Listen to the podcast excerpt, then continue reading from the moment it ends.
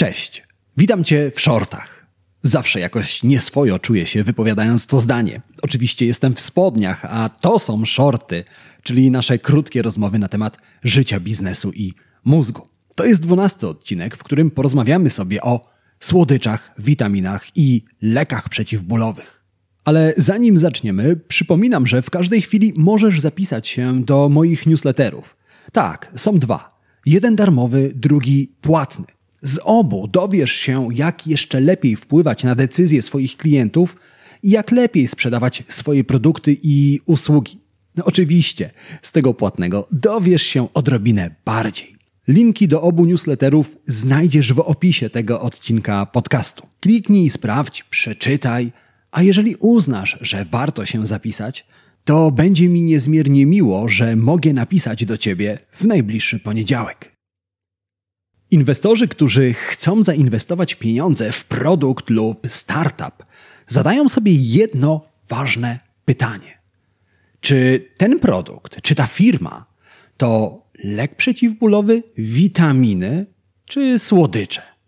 I nie chodzi tu o dosłowne znaczenie, tylko o pewną kategorię produktów lub usług. Środki przeciwbólowe to produkty, które klienci muszą kupować, ponieważ te produkty rozwiązują pewien palący problem.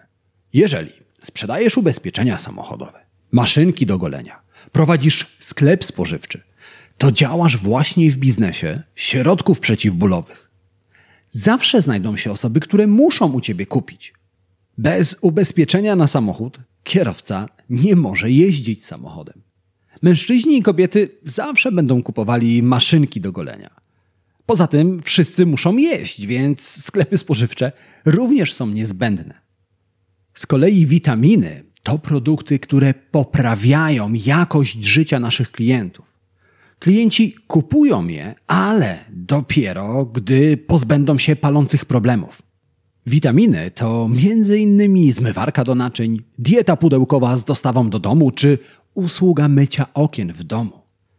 Te produkty warto mieć, ale gdy musimy, to potrafimy się bez nich obejść. Konsumenci najpierw kupują leki przeciwbólowe, ubezpieczenie na samochód, a gdy starczy im pieniędzy, rozglądają się za witaminami, pudełkową dietą z dostawą do domu. Ostatnią kategorią są słodycze. To te produkty, których tak naprawdę nie potrzebujemy, ale chcemy je mieć, bo sprawiają nam przyjemność. To modna torebka, bilet do kina czy prenumerata plotkarskiego magazynu. Praktycznie na każdym rynku możemy znaleźć wszystkie trzy rodzaje produktów. Ale klienci najchętniej kupują środki przeciwbólowe i witaminy. Dlatego biznesmen Kevin Fong powiedział: Słodycze wyrzucamy, szukamy witamin.